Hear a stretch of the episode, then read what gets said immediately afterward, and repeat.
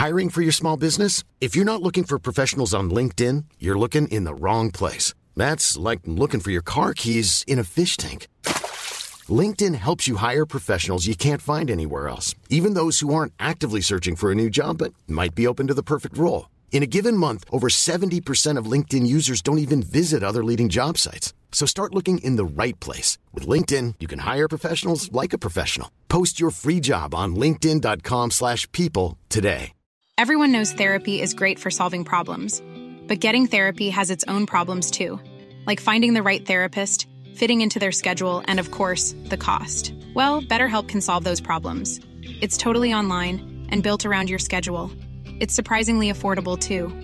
Connect with a credentialed therapist by phone, video, or online chat, all from the comfort of your home. Visit betterhelp.com to learn more and save 10% on your first month. That's BetterHelp H E L P. Burrow is a furniture company known for timeless design and thoughtful construction and free shipping, and that extends to their outdoor collection. Their outdoor furniture is built to withstand the elements, featuring rust-proof stainless steel hardware, weather-ready teak, and quick-dry foam cushions. For Memorial Day, get 15% off your Burrow purchase at burrow.com slash ACAST and up to 25% off outdoor. That's up to 25% off outdoor furniture at burrow.com slash ACAST. Ja, den där intervjun med, med Påkan Lagemyr kan man ju prata länge om. Alltså, det var en, en, han har varit borta från fotbollen, han har varit borta i, i hur många dagar skrev du? 500 dagar eller vad fan det var? Ja, det är nästan 500 dagar. Han spelar en halvlek och sen liksom så kapar han allt jäms med fotknölarna. Lagkamrater, tränare, spelidé, allt. Alltså det, det, det, det är en otrolig sågning. Eller? Ja, tyvärr. Eller övertolkar jag den? Nej, jag, jag håller med dig faktiskt. Alltså.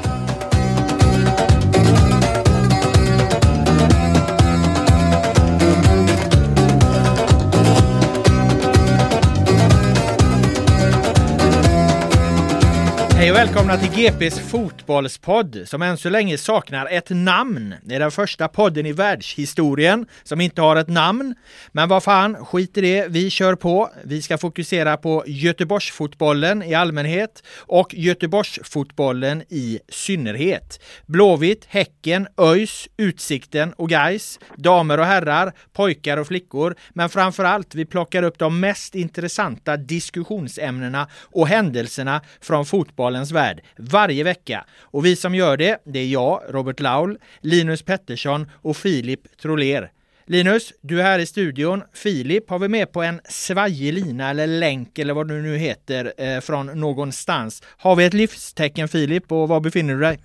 Det har vi. Jag är nere på den eh, skånska slätten, nere på kontinenten. Här sitter jag. Jag hoppas att ni hör mig också. Vi hör dig alldeles utmärkt. Eh, Linus, hur känns det? Du är med mig här i studion. Fantastiskt eh, bra. Jag är lite orolig att vi inte har något namn men det...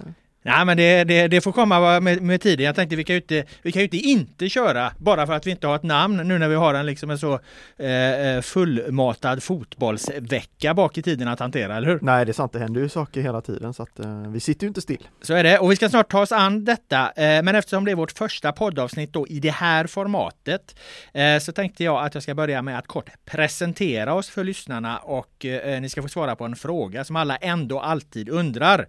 Börja med dig Filip. Du är ju en gänglig man i dina bästa år, full koll på allt som händer i Superettan och guys. Men vilket lag håller du på? Oj, oj, oj. Den frågan, den har man inte fått eh, några gånger tidigare. Jo, det har man. Det var det jag tänkte att nu ska du slippa få den någon mer gång för att du, du, Ja, du lägger ut texten här och nu.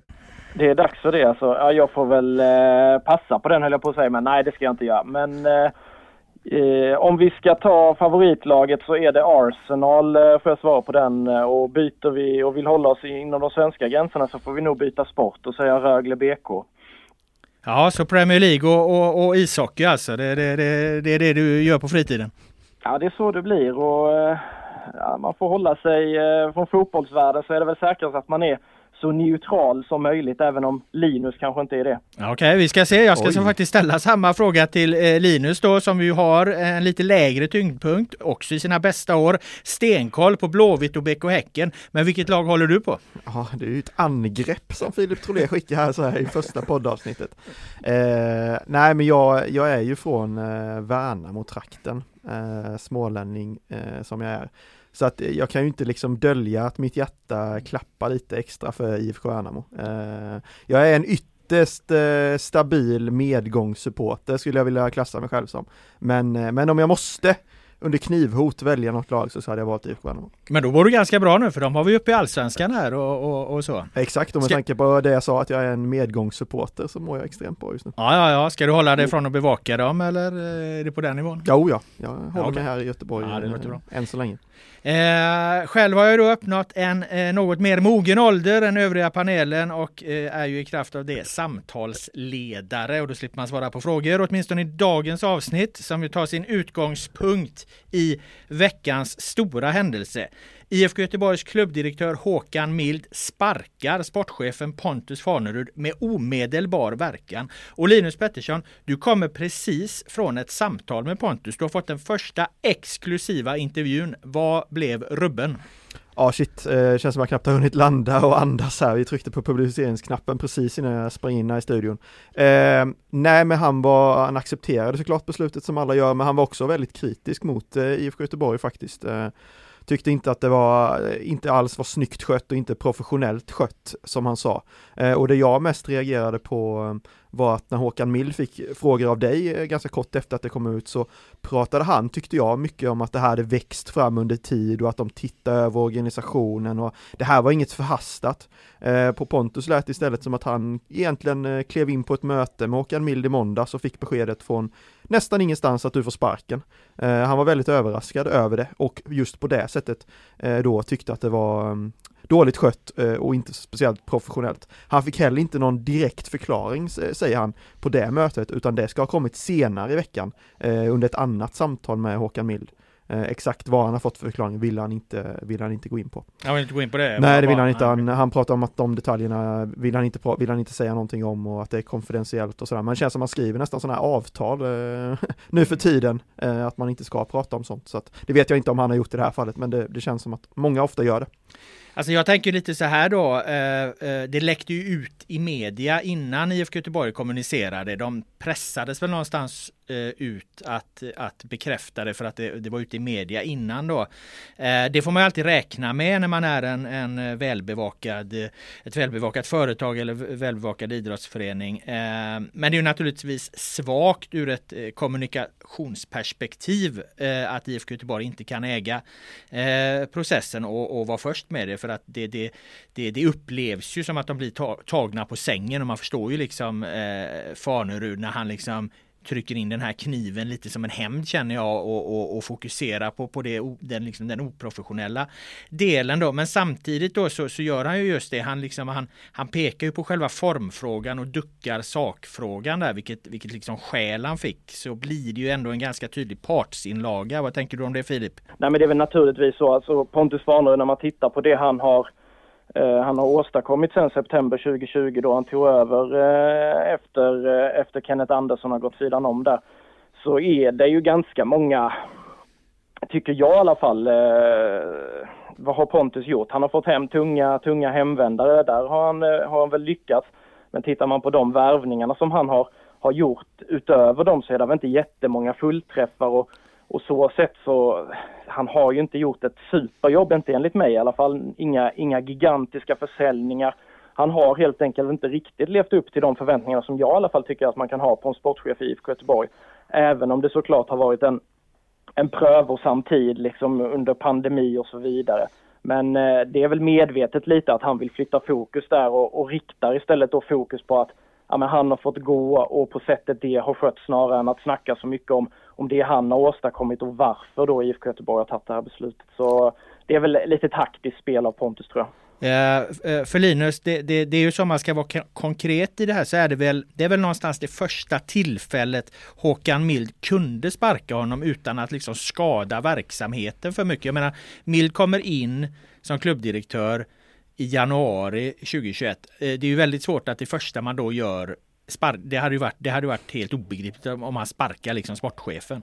Eh, direkt, ja, som, dock, liksom. som då hade varit anställd. Ja, ja, liksom kan... blir det fyra månader eller någonting. Ja, exakt, utan ja. han, någonstans så får han ju, han får ju tid, han får, eh, han får ju någon form av chans att leverera och, och ska man då göra sig av med honom om man nu vill det som klubbdirektör, så är det egentligen, det är egentligen bara nu det går att göra när truppen, truppen är klar, säsongen ska börja och nu ska, börja, nu ska arbetet inför nästa säsong gå igång. Liksom. Ja, alltså jag har velat rätt mycket eh, kring det där. Först tänkte jag nog att det var helt fel tillfälle. Varför gjorde man inte det efter förra säsongen istället? Varför låter man, om man nu inte tror på Pontus Farnerud, varför låter man bygga truppen inför säsongen 2022 om man ändå inte ska vara med när den säsongen börjar. Varför, varför liksom lägger man det förtroendet hos en person som man vill ha bort? Det kändes jättekonstigt spontant. Men sen när man tänker lite djupare på det så att kasta in en ny sportchef eller att göra om organisationen inför ett vinterfönster hade blivit så mycket stressigare. Det hade krävt så mycket mer. Nu är som, precis som du säger, truppen är färdig. Det händer inte så mycket eh, arbetsuppgifter för en sportchef just nu. Så på det sättet så kommer jag nog ändå fram till att det är nog rätt läge. Mm. Eh, och även truppbygget inför 2022 har kommit ganska långt eh, när förra säsongen är slut. Eh, så att Pontus har ju redan gjort ganska mycket av det arbetet.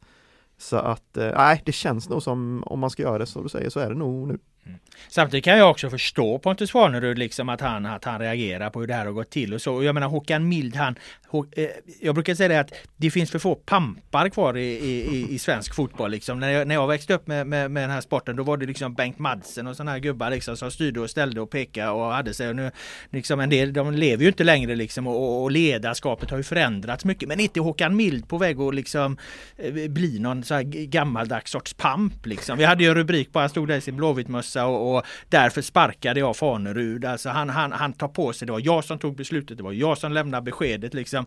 Och, och han verkar inte bry sig så mycket om vad, vad, vad, vad, vad andra tycker och tänker utan han, han har sin väg och han kör den.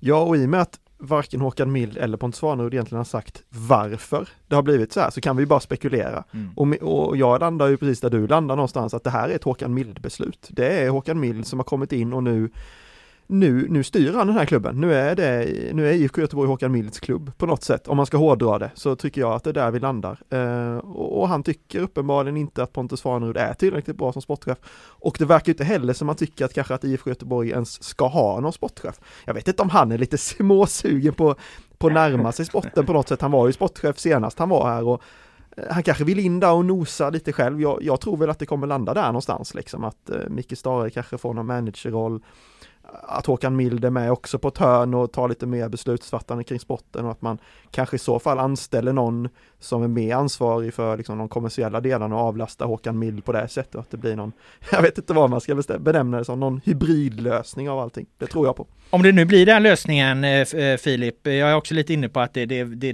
det låter ju på dem som att det är så de ska ha det liksom. Star manager, jobbar med truppbygge, värvningar in och så har du liksom eh, familj då som kanske jobbar med, med större affärer ut. Det påminner väldigt mycket om hur Elfsborg jobbar där med, med Stefan Andreasen, en före detta klubb, en före detta sportchef som nu är klubbdirektör. Eh, de har Tillin där, tränare som har ett manageransvar. Eh, eh, om, om vi liksom leker med tanken att det är där de ska landa det är så här det har gått till. Fanerud är borta. Är det, rätt, var det, är det rätt agerat av IFK Göteborg? Känns det klokt i det här läget att, att, att göra som de har gjort Filip? Ja men naturligt, alltså så här, har man, tror man inte på Pontus Farnerud så kan man ju inte ha kvar Pontus Farnerud och fortsätta i samma hjulspår. Och sen bara för att backa lite där med, med det här med Håkan Mild och pam, pamperiet lite som sagt. Jag tror han är, väl, eh, han är väl en av få som vet om vilken status han har i IFK Göteborg. Så han är väl, om någon, ska ju kunna ha det modet och kliva fram och ta på sig det här. Och, och folk vet ju, liksom han var med och byggde truppen som, som eh Eh, eller har ju varit med i klubben tidigare, både i spelar och ledarroll och otroligt hög, eh, hög status. Så så han om någon eh, ska ju liksom våga ta det här beslutet och sen huruvida det blir han och Stare, där tycker jag ett litet frågetecken kring Stare. Liksom managerroll, Jimmy Tillin hade ju en ganska, vad ska man säga, aktiv roll redan i J Södra, hur han byggde trupp och sådär. Stare har väl inte riktigt haft den, eh, inte mig veteligen i alla fall, den historiken. Och jag är väl lite sådär småallergisk ändå mot de här eh, managerlösningarna och jag, jag, kan tycka ibland att det blir lite otydligt. Um, men kan man hitta den, hitta den linjen att de verkligen, att det är så man fördelar ansvaret, att det kan bli som det är med Jimmy Tillin och Stefan Andreasson, då är det väl ändå en, ja, men, i teorin i alla fall en, en vettig lösning. Håkan har liksom ett gediget sportchefs, sportchefserfarenhet. Eh, Stare eh, kanske har liksom den manager-feelingen eh, i sig och kan, kan bygga. Men spontant så är jag ändå lite så här, jag tycker man har sett för många exempel på när när det har blivit att man inte har en ren sportchef, att det blir lite eh, vimsigt och sådär. Jag vet inte, Rickard Norling har väl en liknande, liknande roll i, i Norrköping nu och det har väl inte fallit jätteväl ut eh, hittills i alla fall. Nej, eh, nej, det finns naturligtvis neg negativa exempel eller dåliga exempel på, på det också. Däremot så kan man ju konstatera att i, i, i Elfsborg har man ju fått det att fungera väldigt bra där med en delaktig ordförande, en, en erfaren klubbdirektör och en, en, en tränare som manager. Men, men jag tror liksom att jag tror att Stares del i hela det här eh, grekiska dramat det, man ska nog inte underskatta den. Jag tror att Stare vill ta nästa steg i sin utveckling. Det känns som liksom att han, han har eh, byggt en, eh, eller de har liksom organiserat under honom med, med, med Stiller och Tengryd som tränare och att han, han borde rimligen kunna få utrymme att ta nästa steg på sin utvecklingsresa och, och där har liksom Mild då någonstans gjort sitt val att det blir Stara han går på. Jag vet inte, du intervjuade Stara också häromdagen eh, Linus, jag vet inte om du fick samma feeling? Ja, han var ju, han betonade ju väldigt många gånger att han inte är rädd för får jobba minsann. Eh, vad var det han sa, jag skulle kunna jobba natt och dag för det här.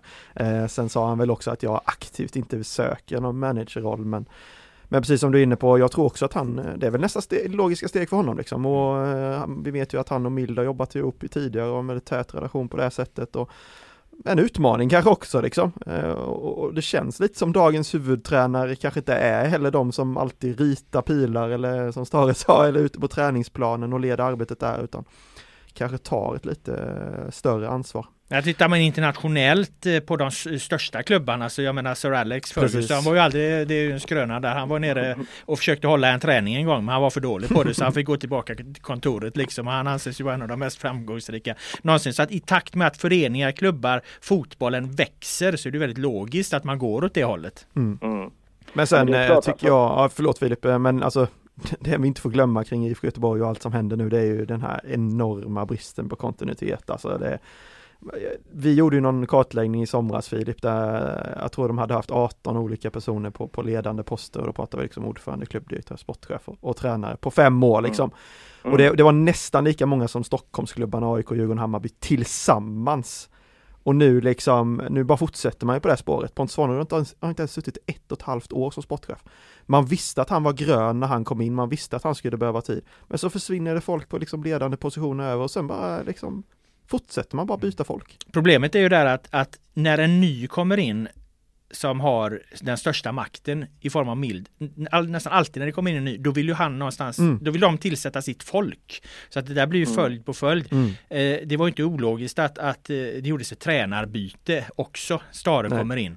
Och så kommer det bli ett sportchefsbyte. Så att kan kan, de, kan, kan Mild nu bara hålla sig kvar vid makten, då kommer nog Blåvitt-fansen, då får de leva med, med, med Mild och Star ett bra tag här nu, för nu har de ju kopplat ett, ett, ett järngrepp känns det som. Alltså nu måste det vara styrelsen som eh, eh tar väck det här då, ytterst medlemmarna givetvis, att det blir den typen av, av, av och uppror kring det. Men frågan är hur pigga medlemmarna är på att i det här läget liksom riva upp allting och göra ytterligare nystart. Jag tror att nu får man i IFK Göteborg helt enkelt, eh, eh man, får, man får nöja sig med det här nu igen. Ja, ja men eh, något annat finns inte. Jag tror eh, om jag bara ska ge min bild av, av, av eh, att man gör sig av med, med Fanerud. Eh, jag tror inte jag tror inte att det kommer betyda särskilt mycket vare sig plus eller minus. Liksom. Jag tror inte det kommer spela någon större roll.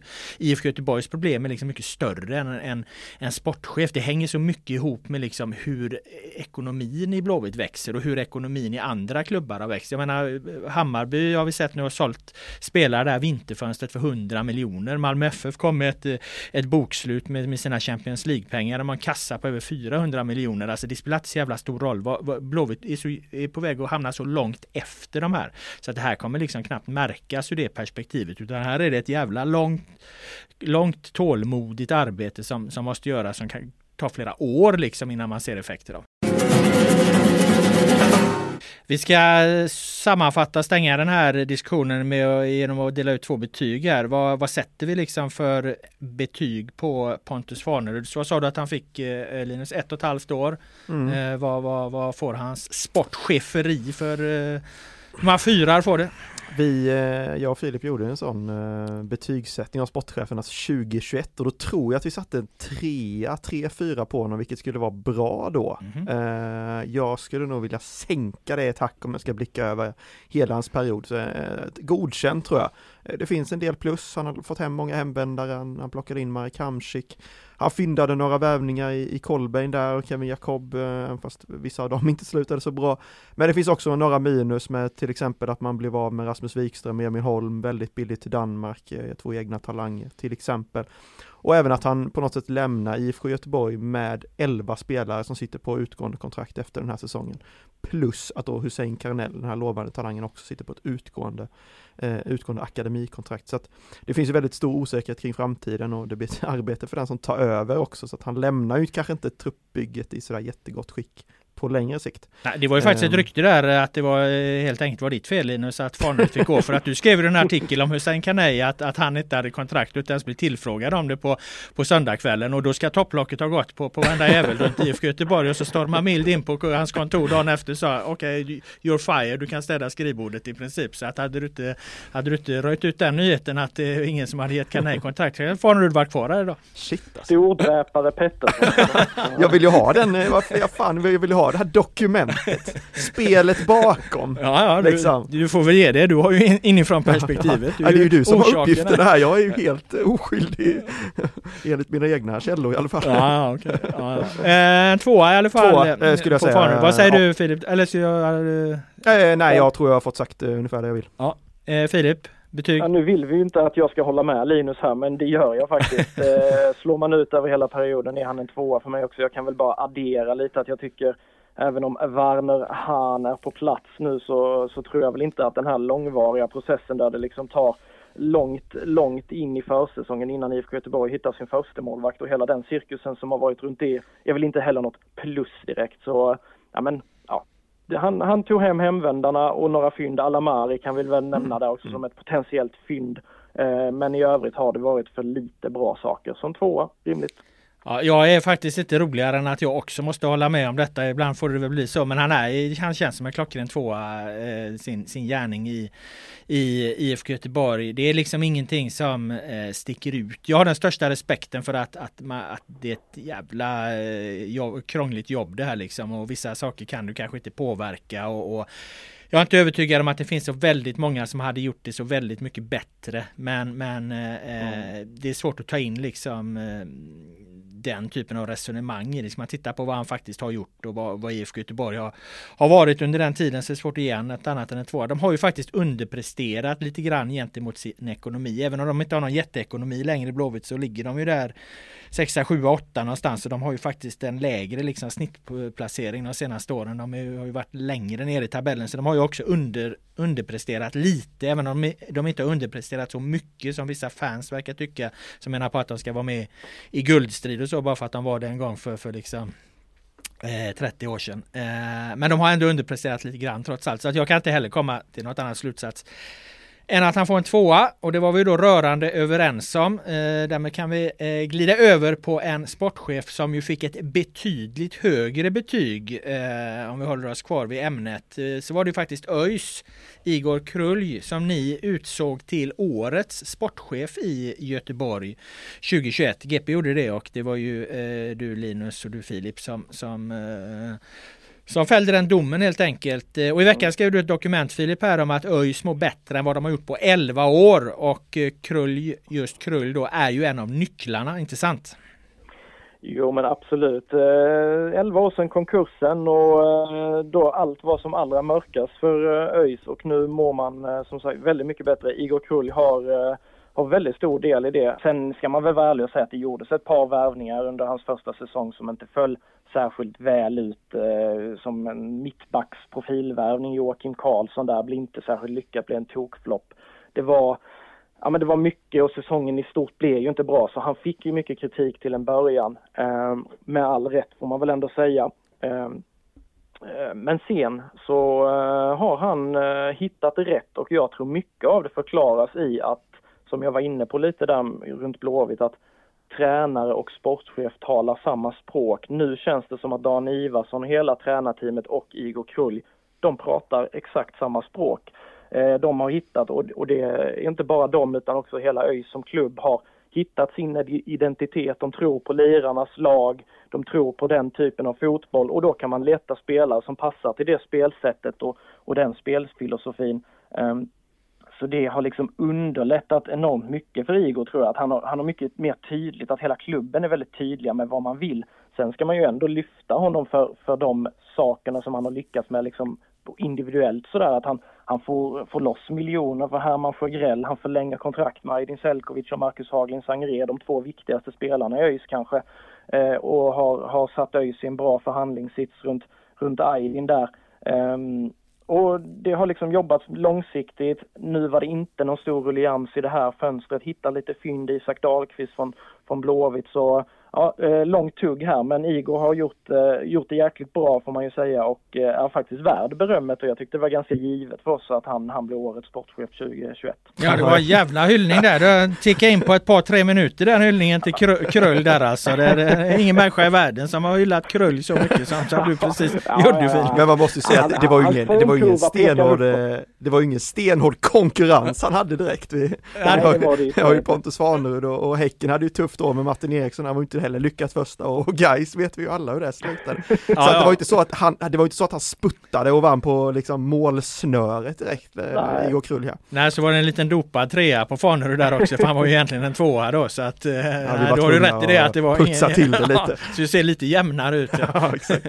eh, nej, du var inne på ekonomin där Filip, intressant. Jag kollade det, de hade ju 26 miljoner i omsättning, inte förra året då, för de siffrorna har väl inte kommit än, men året innan där. Eh, och nu säger ju eh, ordföranden var det väl i ditt reportage där att de har möjlighet att växa ytterligare några miljoner. Nu vet vi inte exakt mm. vad, de, vad de hade för, för uh, siffror uh, 2021 då, men, men alltså växer de ytterligare några miljoner från det här då? De är uppe på en omsättning på 30 miljoner och en sån stor ekonomi. Uh, jag menar var Mjällby och Varberg 2019 när de gick upp till allsvenskan, då hade de ju 25 respektive 20 miljoner i omsättning. Så att det här är ju liksom, ÖIS är ju uppe på en nivå då, då man faktiskt kan eh, börja tala om att det, det är rimligt att gå till allsvenskan. Så, eh, så är det faktiskt. Och det nu kanske denna säsongen, ja jag är inte säker än riktigt, man vet inte, eh, man vill suga lite på det innan man bestämmer sig om man tror att de har, har kapacitet nog att gå för det redan i år. Men eh, de har i alla fall kapaciteten att gå för det om vi säger 2023 och jag tycker att klubben har, de har hamnat på en så pass stabil plattform ekonomiskt så kan de bara fortsätta och, och tugga på här och ta små kliv hela tiden så, så är de ju, de är ju kapabla att kunna konkurrera om allsvensk uppflyttning. Um, Sen är det klart, man måste alltid ta hänsyn till hur ser konkurrensen ut. Det är ett par andra ganska gedigna klubbar i Superettan i år. Och, men å andra sidan då som du säger Robban, Mjällby och Varberg, de, de lyckades. Eh, och ÖIS, visst nu är mycket positivt och mycket är bra, men jag tycker inte att man som ÖISare kan ju inte vara nöjd förrän Örgryte IS är tillbaka i Allsvenskan, för det är ju en så pass anrik klubb och eh, att de ska ju höra hemma där. Men eh, absolut här, eh, fortsätter de i denna riktningen och eh, kan, kan bygga på samma sätt, samma lugn, behålla kontinuiteten, då tycker jag inom kort eh, och att de är konkurrenskraftiga nog att, eh, att tampas om allsvensk uppflyttning. Ja, för att jag menar även ditt kära Värnamo, Linus där man ska blanda in de gick upp i allsvenskan men vad fan hade de i omsättning det året? 12 miljoner eller vad fan? Fast du... de har Jonas Tern. ja, den, eh, Då behöver man inga miljoner överhuvudtaget. Han kan förvandla småsten till guld.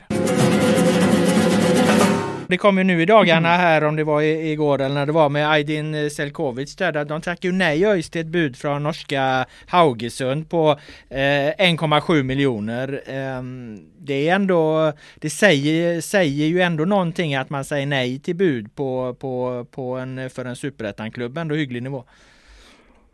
Ja, men det är det. Sen tycker jag ju, alltså 1,7 miljoner för för eh, superettans skyttekung, 18 mål, gjorde hälften av lagets mål i, i fjol i princip. Eh, och inte gammal heller och besitter eh, han är 23-24 Aydin och, och, och skapar otroligt mycket målchanser och är ju bra i spelet, tillför mycket i spelet, 1,7 miljoner. Hade jag varit ÖIS så hade jag ja, jag hade inte ens, jag hade nästan inte ens svarat på det där budet. Alltså. Ja, det, var, det, var ju, det var ju som någon skrev på Twitter där att till att börja med, någon ÖIS-supporter då, till, till att börja med kunde man vända på siffrorna. så att det var 7,1 miljoner då. Men det är kanske lite överkant, så mycket får ja, de inte för den. Ja, det är väl kanske lite överkant. Men det har ju rapporterats hos våra konkurrenter där. GT har väl skrivit att eh, 5 miljoner är, är, lite siktet inställt på. Det tycker jag låter ganska rimligt. Och sen vad jag har hört så, så har ju ÖIS inte bara då eh, nobbat ett bud utan det har varit eh, minst ett bud till på Aydin som, som eh, Krulj och, och ÖIS har tackat nej till. Eh, men jag tycker de gör helt rätt. Han sitter ju på ett långt kontrakt och det verkar inte så att Aydin liksom tvingar på heller att jag vill bort, jag vill bort, utan han trivs ju så pass bra och, och vet ju om att han kommer bara fortsätta utvecklas i, i ÖIS och i, i det spelsystemet under dagen och sådär. Så de sitter i en jäkla god sits där. Så eh, hade jag varit dem hade jag ju bara varit kall och kommer det inte några bättre bud här så, så har de ju fint läge till sommaren också då många ligor liksom ska starta om och, och bygga om sina trupper. Så eh, ja, de gör nog rätt i att dissa de här eh, buden så länge de är på den här nivån. Vi har faktiskt färska uppgifter från eh, en, en pålitlig källa att, Låt höra. att det högsta budet har legat på 2,3 miljoner. Mm. Icke ej kommenterat av Örgryte, vi jobbar på den biten men det är i alla fall en källa som säger att det ska ha funnits även ett bud på 2,3 miljoner mm. som nobbat. Men om det då kommer flera bud på den nivån där 1,7, 2,3, alltså det låter ändå tufft att det helt plötsligt ska sticka upp med det dubbla tänker jag då, men det kanske det kan göra. Ja, men ja, det har du väl en, en poäng i och, och, där är kanske en anledning då till att man ska vara lite kall. ÖIS som lag kommer funka, gissar jag i alla fall, även om vi får reservera oss när det gäller superettan rätt så ofta.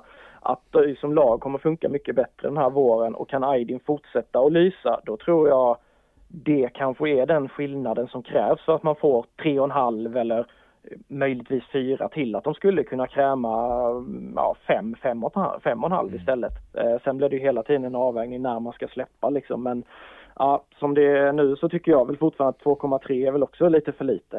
Men ja, tveksamt då om det, om det, om marknadsvärdet inte är högre som det verkar då men eh, vi får se. Vi får se.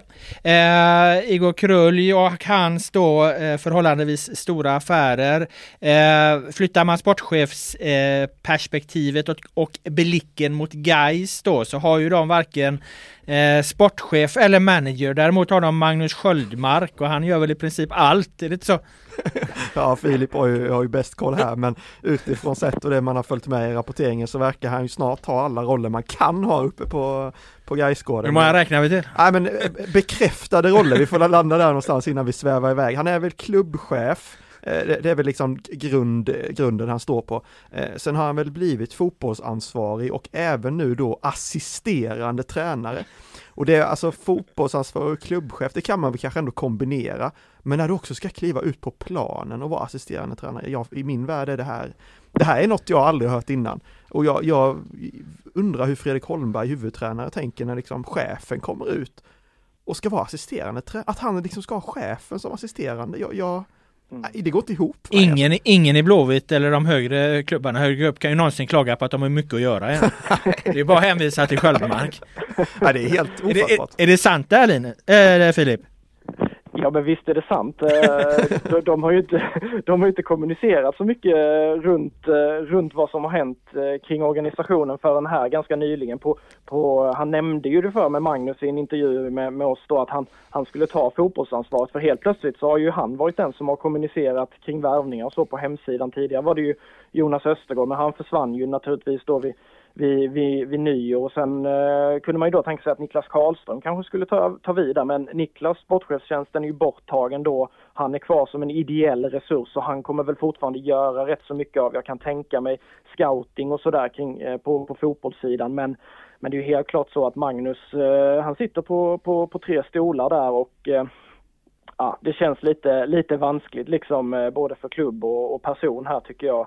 Och som Linus sa där, eh, den här grejen att att Sköldmark är ute på träningsplanen och, och följer vad, vad stegen som Fredrik Holmberg då tar i, i, den dagliga verksamheten. Ja, det kanske funkar, men det känns lite halvmärkligt och, också när man ska kommunicera med Magnus. Liksom, fan, är, det, är det klubbchefen eller är det, är det assisterande tränaren jag står och pratar med här nu? Liksom, det, ja, det känns otydligt. Det, är ju, det, är, det, blir ju lite konstigt också om man tittar på, eh, för de har ju kommit med sina siffror med, med sin årsredovisning väl guys här. Eh, mm. Och eh, jag menar de hade ju ganska hög omsättning i fjol redan på, på som de redovisar då på 23 miljoner och vad jag förstod nu så är den uppe, var den uppe i 30 30 miljoner 2021. Alltså de åker alltså ur allsvenskan med en, med en, med en ekonomi på 30 miljoner, eller åker ur superettan, ska jag säga, med en ekonomi på 30 miljoner.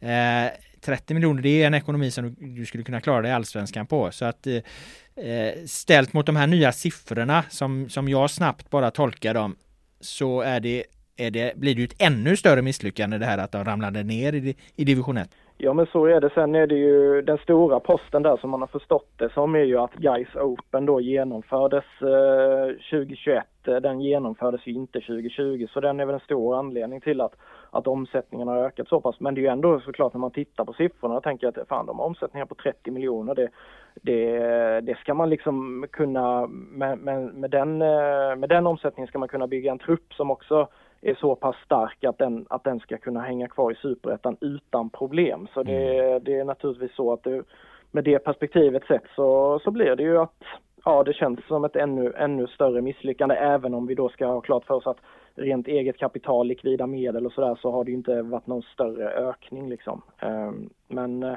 nej, det, det är sjukt. Ehm, nu så blir det ju annorlunda, det blir annorlunda tider i ettan. Eh, stora delar av, av den där omsättningen på 30 mille försvinner och de pratar ju här på medlemsmötet om att det är ju åtminstone 10 miljoner som ryker i centrala, centrala medel och sen så kanske en 3-4 kring sponsor och publikintäkter och sådär också. Så eh, det arbetet de har gjort för att klättra uppåt på den ekonomiska spegeln, det, ja, det raseras ju lite grann kan man säga. Ja, då får Sköldmark sitta på många stolar för att få, liksom, få ihop siffrorna.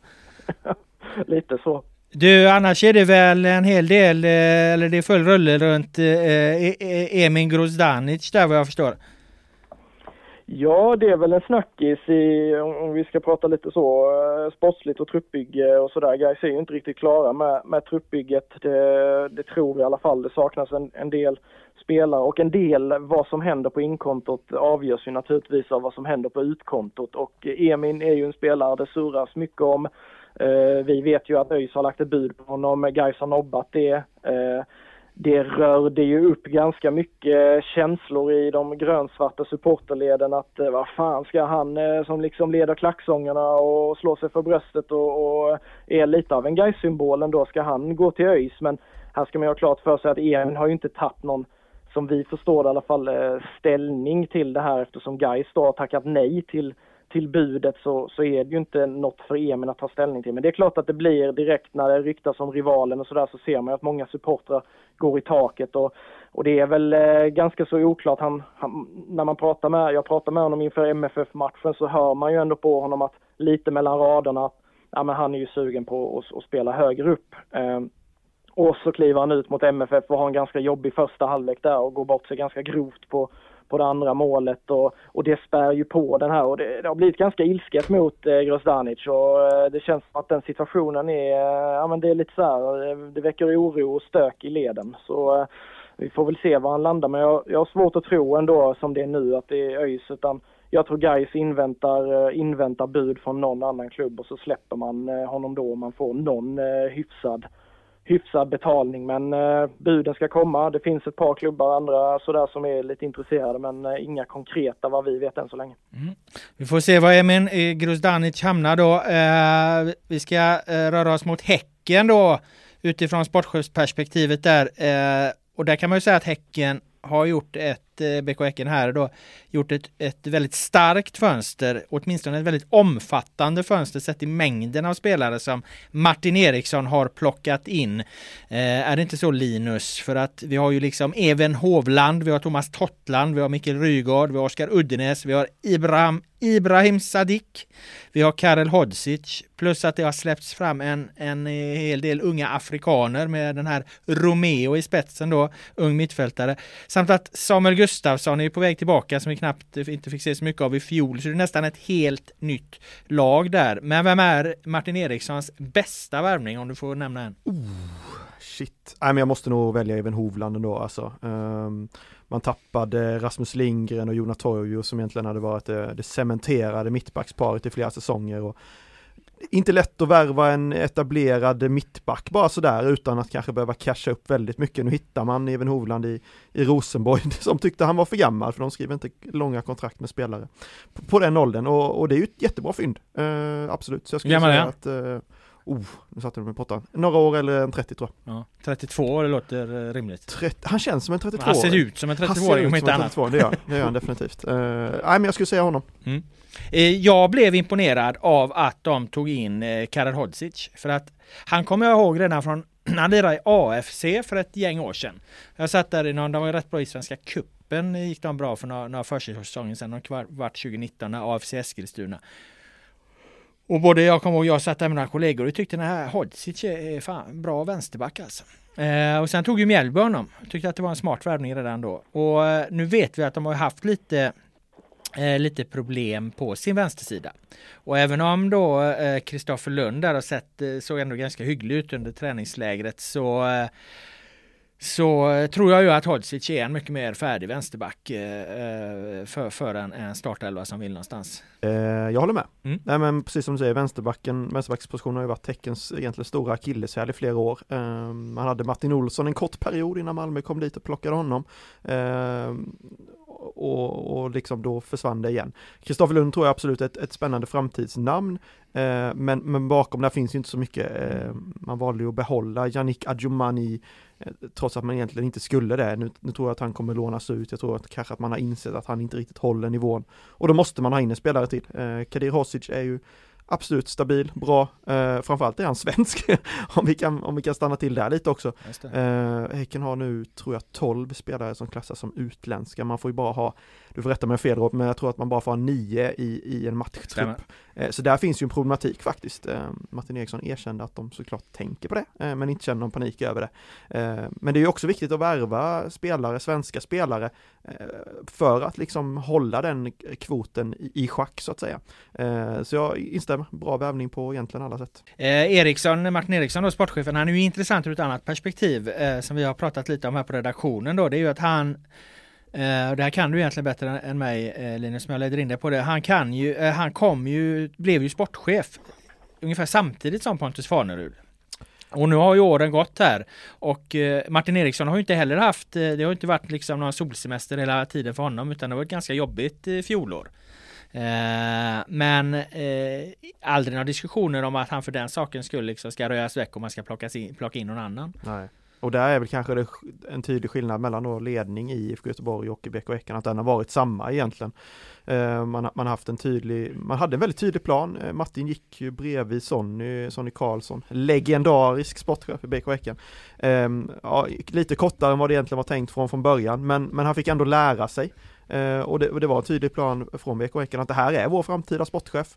Sen gick det tungt förra året men man behöll ändå det för att man värdesätter kontinuitet och man har samma position, eh, personer i, på ledande positioner. Så det har egentligen aldrig varit en fråga. Eh, jag, jag, tror inte ens vi har diskuterat, jag har inte sett någon diskutera Martin Erikssons framtid trots att det gick som det gick förra året.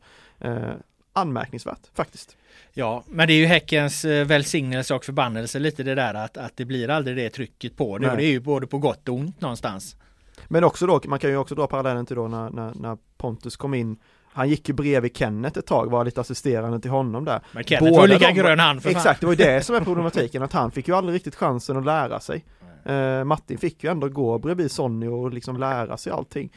För det är ju ändå ett yrke som många andra, alltså det är ju det är inte något man bara kastas in i och klarar av. Det är, alltså det är så mycket, det är agenter, det är media, det är spelare. Det, ja, men det är, en intressant, det är en intressant jämförelse att ändå titta på de två som kom in ungefär samtidigt. Båda hade egentligen tunga fjolår, men det är en som får gå och den andra är egentligen aldrig ens uppe för diskussion. Marcus Jordin är inte lika mycket pamp som Håkan Mild, det är det slutsatsen vi drar. Ja, det kanske är det. Ja, det, det, det är ju ingen eh, svår fråga att svara ja på andra sidan. Eller vad säger du Filip? Nej, jag håller med dig där. Han är inte lika mycket pamp som Håkan Mild. Nej, det, han har ingen pampfrisyr heller så att det, det, det, det är inga större konstigheter där.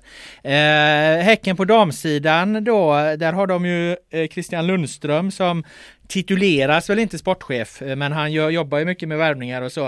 Eh, de har ju haft, eller hållit på nu i flera månader egentligen med att eh, försöka ersätta Stina Blackstenius som ju lämnade för Arsenal. Hon drog ju visserligen i januari någon gång. Men det var ju klart långt tidigare att hon skulle försvinna. Filip, eh, så lång tid utan att en snabb nia är på plats. Eh, är det underkänt? Ledande fråga kanske men. Oh, ja, du vill höra mig så dra på där att det är för, för dåligt. Ja, alltså både ja och nej alltså. Lite, lite där Farnerud, eh, målvaktsfrågan i Blåvitt och, och ÖIS anfallsfrågan i ÖIS. Alltså, ibland får man också ha respekt för att eh, det tar tid och, och jag tror ändå även om Häcken naturligtvis har jobbat med parallella spår till att eh, hitta, liksom täcka upp för Stina så tror jag ändå det fanns en ganska stor förhoppning att hon skulle bli kvar. Eh, även om det kanske kan, kan vara naivt att tänka så. Eh, Uh, jag tycker ändå man får ge dem lite mer tid innan man, uh, innan man underkänner det. Uh, det har inte gått så länge sedan som eh, uh, Blackstenius sa farväl om man då jämför med typ Anesti som eh, ganska tidigt i höstas sa att eh, det blir inget mer för mig i, Blåvitt. Eller, det var ganska klart i alla fall att det inte skulle bli något mer. Det var i och för sig, um, ett, det var i och för sig ett jävla haveri med tanke på hur lång tid det tog. Alltså, så att, ja. ja, så det kanske, man kanske inte ska ha det som någon slags referenspunkt. Ah, tveksamma. Nej, det är ingen mall för hur man värvar målvakter. nej, nej, nej, nej, det, det, är väl, det är väl helt sant. Men nej, fasen, jag tycker ja, hela, hela liksom den sportsliga ledningen runt eh, damlaget är väl ändå också lite i sin linda, även om Christian Lundström har haft det, det ansvaret och klivit in mer och mer känns det som, så, så tycker jag ändå att man Ja men de är så färska fortfarande på att ha eh, damverksamheten i, i BK Häcken att man, man måste ändå fastän det, ge dem lite, lite mer tålamod tycker jag. Eh, sen vet jag ju, jag hörde ju er Åla Marbella-podden där att ni, ni tyckte det var ett stort problem att Stine Larsen inte riktigt håller i, i den rollen och den, den uppfattningen delar jag. Jag, jag liksom håller verkligen med om att det måste in en nia och drömvärvningen hade väl varit Rebecka Blomqvist på något sätt och kunna locka hem henne. Hon är ju jäkligt stark i djupled och målfarlig och, och, och hela alltet så besitter färdig kvalitet men Ja, jag vill inte underkänna Lundström faktiskt Laul, du får inte den. Nej, nej, okej, det är bra det för jag har faktiskt pratat med honom och det var schysst att han ställde upp och han bjöd ju faktiskt på en nyhet när jag pratade med honom också så att eh, det, det var bra att du, att du räddade honom där. Eh, han nämnde just eh, Rebecka Blomqvist där, eh, att de hade försökt med henne men att det inte hade gått och, och eh, sen så som sagt, han släppte en, en nyhet här. Vi ska, vi ska lyssna vad han sa. Ja, vad ska vi säga? Alltså, vi, vi har vi har ju tittat väldigt, väldigt brett. Vi har ju, eh, från USA till Australien kan man väl säga. Eh, och eh, skannat av allt. Men eh,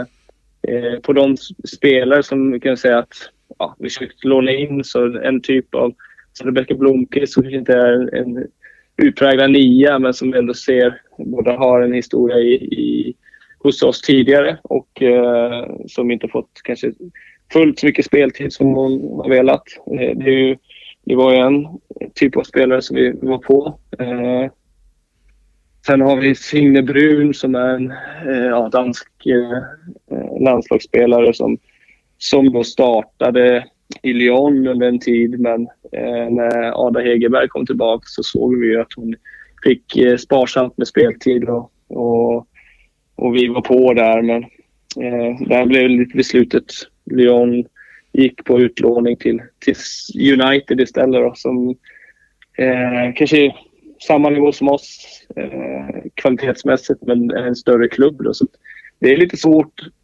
att få, liksom, det är den nivån vi behöver ligga på, på de, den nivån på spelare för att vi ska känna att det ska verkligen eh, tillföra något. Och, eh, och då är och konkurrerar vi med, med väldigt stora klubbar också. Så att, eh, Eh, det är ett litet dilemma.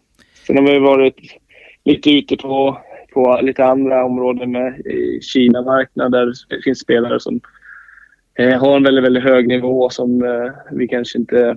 Eh, ja, de blir lite bortglömda på, i, i, i Kina och eh, eh, Chavinga som har varit i, i Sverige tidigare och ett sånt namn som som skulle kunna vara en tänkbar men som ändå kändes att nej, det, är inte hela vägen.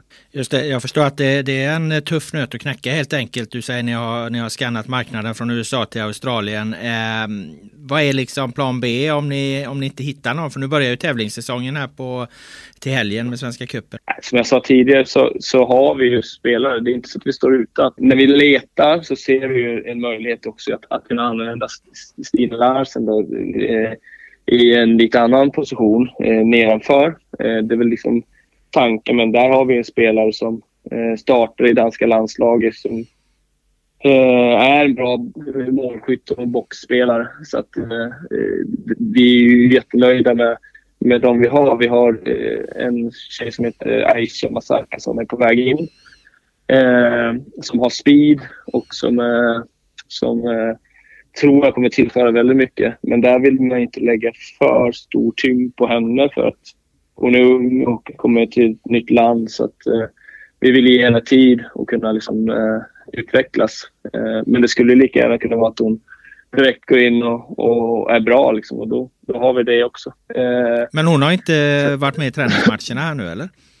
Nej, hon, är, hon har inte kommit än. Vi väntar på på arbetstillstånd och lite sånt där. Det är lite, eh, så hon är inte i Sverige. Ah, okay. Men det är ett Men nyförvärv det här då alltså? Som är... Ja, precis. Det är ett nyförvärv som är klart. Och så, så att, eh, och det, hon kommer stärka. Hon har lite andra egenskaper än, eh, som jag har sökt med, med speed och så. Men hon är ung. Hon är 03 och, och som jag sa att vi vill gärna ge, ge henne den tid hon kräver så att det inte liksom, det är inget vi förväntar mig att hon ska rätt in och, och starta utan det, det, är mer en, en värvning på sikt.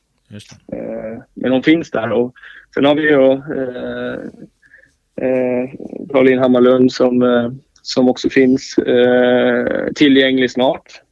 Men även där så ska inte vi skynda på något. Vi ska inte liksom, hon kommer gå in i full träning snart. Då är ju en spelare som, som har en hög nivå, det vet vi. Men, men vi vill ju också ge henne tid att komma tillbaka till en korsbandsskada. Så att, eh, därav så känner vi ju att vi, vi, vi behöver någonting mer där. Skulle vi inte hitta det så, så kan vi liksom använda andra spelare också i de positionerna. Vi hade eh, Rytter Karneryd som, som eh, vi spelade där en halvlek i, i, mot Rosenborg senast i i, på träningsläget och eh, det såg bra ut. Hon, hon har ju speed och, och klarar av den positionen också. Så vi, vi är inte liksom så att vi står kort med spelare och så utan vi känner oss ganska trygga i det. Ja, han släppte ju en, en, en nyhet där som ni hörde. Eh, Aisha Masaka från Tanzania fyller 19 i år, två landskamper för Tanzania. Eh, tillhör ett lag som heter eh, Young Africans. Eh, Linus, har du kört Similar Player på henne? Instat-verktyget som vi brukar använda för att jämföra spelare. Alltså jag blev ju ruskigt ivrig när du nämnde, alltså man gillar ju när det kommer så här okända spelare och bara får kasta sig över dem. Men till min stora besvikelse så finns hon inte med på Instat. Aj, så att jag är, jag är ruskigt besviken och funderar nu på att mejla och be om någon här specialrapport på henne.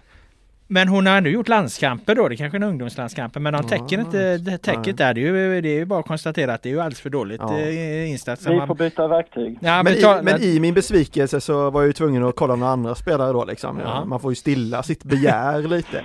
Så att eh, Kadir Hodzic, BK Häckens nyförvärv, är 100% Emil Skog. Den gamle ÖIS-springaren som nu är i Västerås. Hoppsan. Ja, den är, den är kul. Han är 86% Alexander Jallow kan vi också ha med oss. Ja. Ja, det var ingen som gick igång på det. Nej, jag satt precis och funderade på, men för min bild av, av, av, av Hodzic eh, var att han hade sina, att han är bra defensivt och det tycker jag inte riktigt Jallow alltid är. Så det var med, med det. Jag, jag satt och, och funderade. Ja, du satt och analyserade? Ja, jag fick processa jag. informationen ja, snabbt ja. där eftersom den var okänd sedan tidigare. jag satt och tänkte tillbaka där på Emil Skog. Jag tänkte det var ju dunderflopp. det var likt. Nej, men han har väl gjort det bättre i Västerås, men han, har, han var rätt svajig defensivt. Han var sig mer yttermittfältarna än vad han är ÖIS. Men, Häck, ja, ja. Häckens stjärnvärvning är potentiell dunderflopp alltså. Det är slutsatsen av detta. Det är slutsatsen. Eh, hade du något mer om Aisha Masaka där eh, Filip eller eh, då har du liksom eh, inte heller eh, Är du på instat-nivå vad gäller henne? Nej, tyvärr. Alltså jag, eh, det här är ingen bonusinfo jag kan bjuda på, men eh, när Christian Lundström beskriver henne så låter det som en jättespännande spelare och sådär. Men eh, för Häckens del så hoppas jag att de har något mer på gång än, än henne på, på, på den fronten ändå. Liksom. Men Mm. eh, en spännande spelare låter det verkligen som. Ja, det är det som han sa då mer på sikt där. Ja, Ehm. Utsiktens BK eh, har vi ju med oss i, i vår bevakning här numera och eh, det man kan säga om dem ur det här perspektivet är ju att det har ju värvats något så inåt helvete där eh, senaste dygnet typ. Alltså du satt ju här och, och eh, igår var det Linus på redaktionen och liksom det bara rasa ut namn liksom. Ja, det var, Som har anslutit. Det var eh, tre namn på en dag här. det nu ena mer okänt än det andra. onsdags. Ja, ons- Nej, måndags var det nog tre Ja. namn tror jag. Och det ena mer okänt än det andra. Ja det kommer ju spelare från eh, höger och vänster. Fast allra, allra flest kommer det ju från eh, Magnus Perssons klubb, eh, Veles där som Det här samarbetet verkar ju verkligen eh, liksom ge frukt nu. Jag tror de är tre Ja, I nu. numerär i alla fall. I numerär ja. Ja, men de startade ju två stycken igår, startade på topp eh, igår då, tisdag, eh, när de träningsspelade mot eh, IFK Göteborg. Och en av dem började matchen med alltså jäkla cykelspark liksom. Han bara, liksom du vet när man ligger sådär gött i luften liksom, nu missade han ju bollen i och för sig, så det var ju inte så, men det var ju liksom, man bara okej, okay, vad är det här liksom?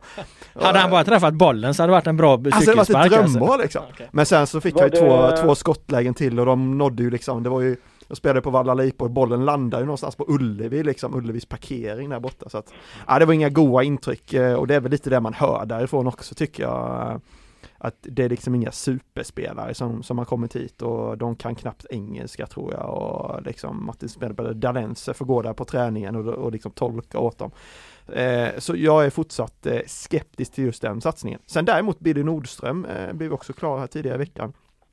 Det är en habil vänsterback för superettanivå. Absolut. Enzima Peter har kommit eh, tidigare i Falkenberg, också ett väldigt bra värvning. Eh, de har lånat in William Milo- Milovanovic från Häcken, också en stabil spelare. Så att det känns, eh, om man liksom ska vara lite seriös och kanske blunda lite för de här värvningarna som man inte tror speciellt mycket på, så känns det som att Utsikten faktiskt har, har något bra på gång eh, och, och absolut har chans att, att klara sig bra i superettan.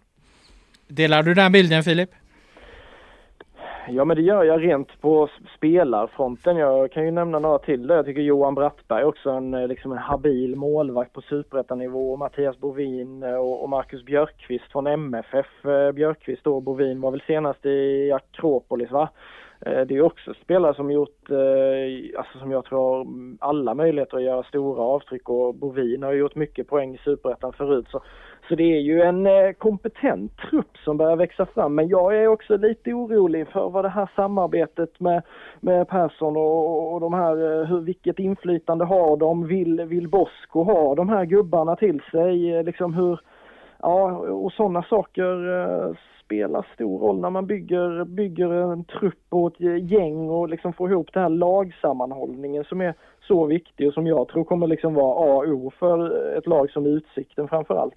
Um, ja, Ja men framförallt att den här samarbetsklubben Veles då, alltså den den är ju liksom inte på en högre nivå och ska man ha ett sånt, sånt samarbete där man ska låna in spelare så ska man ju ha det låna från en klubb som liksom är högre upp i hierarkin och plocka deras talanger liksom men att de ändå kommer från en bättre träningsmiljö, en bättre nivå liksom. Här är det ju näst, Mm. nästan så att liksom Utsikten spelar på en högre nivå än vad Veles gör. Det är väl, liksom deras division är väl ungefär på superettanivå, kanske lite lägre i vissa av lagen. Och det är det tycker jag som blir lite fel i allt det här liksom. Då blir det nästan mest som att det blir ett skyltfönster för bara de här spelarna att de ska få visa upp Mm. sig i Sverige och, och kanske därifrån liksom stärka sitt marknadsvärde och sen säljas vidare och så ska den spanska klubben tjäna pengar på det. Jag ser inte riktigt vad Utsikten tjänar på det här om det är den här nivån på spelare som de får in. Från dessa väl underbyggda resonemang eh, ska vi nu ägna oss åt något som vi är faktiskt är ännu bättre på. Vi ska skjuta från höften. Eh, vi har en ny cuphelg som väntar. Vad står på er agenda? Vad ska ni se? Vad kommer hända? Och vad tror ni vi kommer prata om nästa podd? Nu när Pontus Farner inte kan avgå igen. Vad har du på gång eh, Linus? Vart är du utskickad i helgen? Jag är ledig. Ledig? Vad fan, det är ju andra omgången av Svenska cupen. Ja, men det du får inte vara ledig för helvete. Det ska du inte fråga mig om, det ska du fråga min chef om. Helvete. Ja, nej, ledig. att, är du också eh, ledig Filip eller? Du, det är ju så sjukt att jag är också ledig. Nej, för, för, för jävla bygge man har hamnat på. Båda stjärnreportrarna är lediga. Ja, alltså du får dra den här, du får Ja. dra lasset här Laul. Det, det Ja, får du falla tar helt på alla din lott. matcherna Laul. Ja det var helvete. Jag ska ju till Borås då på lördag och kolla på eh, Norrby Blåvitt Svenska cupen och sen är det ju BK Häcken mot eh, KIF Örebro eh, när eh, damernas Svenska cupen går igång eh, på, på söndag. Så det är väl helt enkelt jag då som får samla in eh, intrycken och, och leverera ett, ett nytt eh, matigt pro- program då eftersom ni ligger ju i hängmattan där och Ja, du får köra du är kvar nere i- nästa vecka liksom. nere i Skåne någonstans Filip. Ja, jag, jag får se hur länge. Jag tar kanske en riktig långsemester här nere. Nej, det, nej, men jag har faktiskt tänkt titta, kika lite på... Eh, jag är ju faktiskt så pass intresserad lag så jag kan spana lite fotboll och våra lag även när jag är ledig. Jag tror du kollar på hockey och Arsenal då men okej. ja, men jag älskar, du, får miss, du får inte missförstå mig. Jag älskar svensk fotboll. Det är egentligen det bästa av allt. Bara titta, konsumera svensk fotboll. Det är underbart. Eh, men jag kommer, jag kommer eh, vara lite nyfiken på ÖIS här. De fick ju, bli ju ordentligt dittvålade av, av Gnaget den här helgen. Men nu ska de möta Örebro SK som ändå är kanske en av klubbarna som eh, blir de att jaga i superettan. Så deras styrkeförhållande, hur de står sig mellan ÖIS och, och ÖSK där, det ska bli lite intressant att se tycker jag. Ja det är ju en jävla intressant eh, värdemätare får man ju säga Mm. tidigt på säsongen här men ändå. Precis, och eh, visst Örebro har gjort om mycket och Joel Cedergren har kommit in där och det är väl saker och ting som inte sitter på plats där än. Och Det första, kanske- det första han sa, det var, såg ni inte det? När han kom in, när han sa det var för jävla dålig nivå. Det var det första aj, aj. citat efter första träningen. Kunde inte slå två passningar eller vad var det? det var. Sett en så hård och snabb sågning någon gång tidigare. Ja jävlar, får hoppas Marcus Lantz inte satt och lyssnade på det eller tittade på det då. Var en liten passning till honom kanske, jag vet inte. Om jag ska välja någonting då som jag tror att vi kommer prata om i nästa veckas podd. Ja, ja, fan nu har du suttit och sugit på en Ja, men jag, var ju tvungen, att, välja något. Ibrahim Sadiq, eh, BK Häckens nyförvärv. Alltså Ja. kolla lite bilder på honom, eh, man kan ju hitta sådana highlights-paket. Det är ändå roligt ju. eh, alltså, alltså fruktansvärt snabb, ja. fruktansvärt låg tyngdpunkt och fruktansvärt ettrig. Alltså, Låter han- som dig höll jag på att säga. Ja, nej, för tio år sedan eller någonting. Nu stapplar man mest. Nej men eh, jag tror att han, han har potential att och, och liksom jaga skiten ur allsvenska mittbackar i år. Eh, han har sina svagheter i att han inte har levererat så mycket poäng och, och allt sådär liksom. Men just den här det här pressspelet som Häcken älskar och vi har ju Benny Traoré till Ja, han och exempel. Traoré tillsammans tänkte jag. där. Alltså det blir ett fruktansvärt eh, anfallspar i år. Eh, bara, och nu, nu, nu går jag ju bara på de här bilderna jag har sett liksom. Jag har inte sett honom in action på riktigt än men eh, Nej, det var, det var en häftig spelare och bara så här kasta sig över och, och se liksom. Bra, då har vi lite tips eh, eh, att se fram emot här eh, inför cuphelgen som kommer. Vi ska avsluta den här podden med att ta lite läsarreaktioner eh, som vi har fått. Eh, eh eller lyssnarreaktioner. Ja, läsarreaktioner är det ju faktiskt eftersom det här är ju vårt första avsnitt. Men jag begärde lite reaktioner inför det och eh, eh vi har en, en en twittrare som heter Jocka Grogg. Han tycker att vi ska ha lite snack om Blåvitts icke befintliga spelsätt. När Paka Lagemyr går ut i intervjun och säger att de har inte fått några instruktioner hur de ska spela så måste det ifrågasättas. Eh, ja, den där intervjun med, med Paka Lagemyr kan man ju prata länge om. Alltså, det var en, en, han har varit borta från fotbollen. Han har varit borta i, i hur många dagar skrev du? 470 500 dagar eller vad fan det var. Ja, det är nästan Det- 500 dagar. Han spelar en halvlek och sen liksom så kapar han allt jäms med fotknölarna. Lagkamrater, tränare, spelidé, allt. Alltså det, det, det, det är en otrolig sågning. Eller? Ja, Eller övertolkar jag den? Nej, jag, jag håller med dig faktiskt. Alltså, även om mm, ja, jag såg det var någon som skrev att han måste varit helt slut eller helt trött i huvudet. Liksom. Men jag tycker att det är en toksång just att han liksom säger det finns inga direktiv tror jag han säger till och med. Liksom.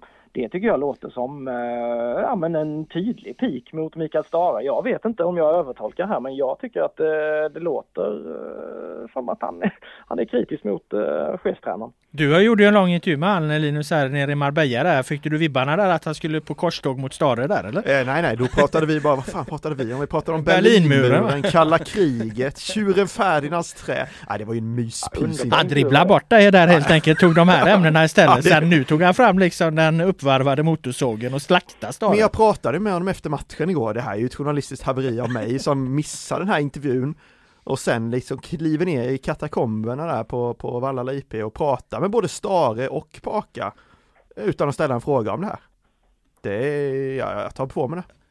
Ja det hade varit intressant att höra det och få honom eh, och där. Men det, det finns väl tid att, att göra det. Eh, jag tänkte lite på den här Jukka Grog då. Han verkar ju vilja att vi snarare ska, ska eh, också eh, ja, men vara på Pakas sida då ifrågasätta att det inte finns någon spelidé Känns lite som att vi var det i tolv dagar nere i Marbella. Ja, vi man gjorde kan väl lyssna också. tillbaka på det kanske det sista avsnittet där eller halvtidsanalysen. Där tror jag vi också var ganska skarpa i just detta. Ja, vi gjorde väl också det. Men sen skulle jag också vilja säga lite så här att spelidén är ju lite död i dagens fotboll skulle jag säga. Nu handlar det inte så jävla mycket om att bygga upp utan nu är det ju de här liksom man ska ställa sig högt, vinna bollen, ta den på motståndarnas misstag eller snabba omställningar. Det är ju det, det sa vi också i den podden, det är ju vad lagen ägnar sig åt i princip och det tycker jag IFK Göteborg gjorde mot den här cupmatchen mot Landskrona. De gick ganska tidigt, det var ofta de liksom omringade Landskronas straffområde, och försökte vinna bollen direkt där och sen gå efter det. Så att det här, jag tror inte man behöver vara så orolig som vare sig våran läsare eller Paka egentligen är för att, att om man inte har liksom en dundertydlig liksom spelidé från eget, eget eh, straffområde. För många lag jobbar ju inte så längre.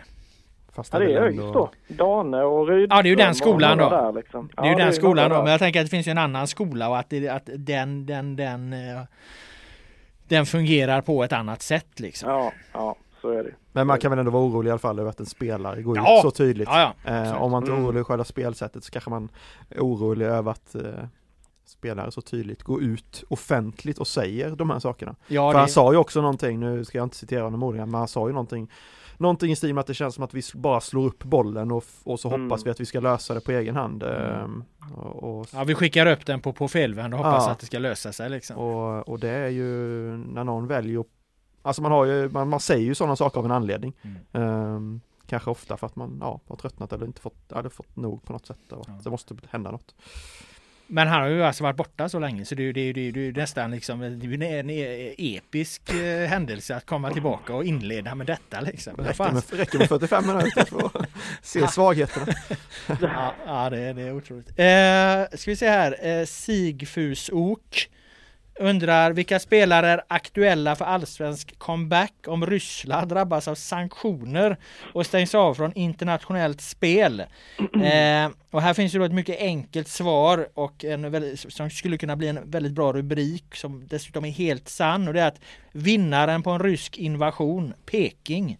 Det är ju nämligen så att när vi kollar upp det här eh, Linus så är det ju mängder av före detta IFK Norrköping-spelare som finns i den ryska ligan. Vi har ju Haksabanovic, vi har Dagestål, Almqvist, Jordan Larsson, massa spelare som har varit i Norrköping, haft bra relation till Norrköping. Norrköping kallas Peking och blir det en rysk invasion så är Peking vinnaren. Ja, då kanske till och med du får skrota ditt eh, guldtips om Malmö där och tänka om. Det kanske är Norrköping som ska upp högst. Alltså får de, skulle alla de eh, flytta ja. hem och spela över tid i, i, i allsvenskan i år, då har de ju ett superlag Norrköping. Det måste du hålla med om Filip. Du herregud, då hade de, eh, ja om inte tydligaste favoriten så hade de ju varit jämsides med MFF, MFF eh, i alla fall. Det är ju otrolig jäkla uppsättning. Det känns ju som att det är mer än hälften av alla spelare, eh, svenska spelare vi har i Ryssland. Det är Peking, gamla Pekinglirare. Det måste vara något sånt va? Det är Gigovic och några, några till väl. Hade, hade Sika Dunic är väl kvar också sådär men ja det är, det är ju brutalt vilket lag de hade haft. Mm. Norling, eh, Norling klappar händerna och hoppas att Nilsson drar, drar fram nu. Ja, ja, han vill ha in, han vill ha för, truppförflyttning över gränserna nu. Men det är ju intressant också så här nu när Viljot Svedberg från Hammarby, eh, nu verkar väl lite tveksamt att den han går igenom. Han brann in i den affären mitt i natten. Men att, att spelare ens liksom överväger att helt gå otroligt. till Ryssland, det är ja, helt, det är, det, det är faktiskt exakt som du säger, det är helt otroligt. Oavsett vilka pengar det handlar om är det helt otroligt ja. att man ens överväger överväger att gå dit just nu alltså. Och så även, nu ska man inte liksom ha fördomar på något sätt, men jag menar Williot Svedberg, jag menar han har pappa Hasse Eskilsson som, som har varit ute i fotbollsvärlden och, och rimligen borde liksom kunna ge kloka råd och allt sånt här. Han har en, han, en stabil förening som Hammarby mm. runt sig så, som man också kan ifrågasätta. Ska man göra affärer i det här läget med, med, med, med dem? Det var väldigt mycket som var väldigt konstigt mm. när det basunerades ut att att det var eh, klart det där va. Eh, mm. Det är ju inte så att han är 30 och ska casha in i slutet av sin karriär. Alltså det är... Nej, du har det perspektivet också. Ja, men det, liksom. det har ju liksom. snackats om Barcelona mm. liksom. Det är på den nivån som liksom klubbar pratar om kring honom. Mm. Och att då behöva gå till Ryssland nu, jag, jag, nej för mig är det helt ofattbart. Eh, bra, det var de läsarreaktioner jag tänkte vi skulle eh, ta upp den här veckan. Om ni nu inte har något mer att eh, komma med idag så tackar jag eh, dig Linus, och jag tackar dig Filip för era utmärkta insatser. Jag tackar alla er som har lyssnat. GPs fotbollspodd, podden utan namn, är tillbaka nästa torsdag. Ha det gött så länge!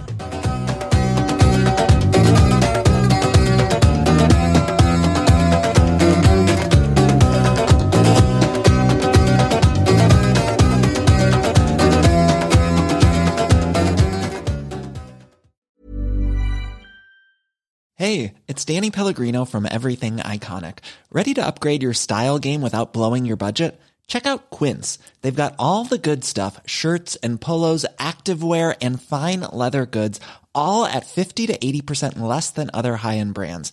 And the best part? They're all about safe, ethical, and responsible manufacturing. Get that luxury vibe without the luxury price tag. Hit up quince.com slash upgrade for free shipping and 365 day returns on your next order. That's quince.com slash upgrade. Hi, I'm Daniel, founder of Pretty Litter. Did you know cats tend to hide symptoms of sickness and pain? I learned this the hard way after losing my cat, Gingy. So I created Pretty Litter, a health monitoring litter that helps detect early signs of illness by changing colors, saving you money and potentially your cat's life. Pretty Litter is veterinarian developed, and it's the easiest way to keep tabs on your fur baby's health right at home. Go to prettylitter.com and use code ACAST for 20% off your first order and a free cat toy. Terms and conditions apply. See site for details.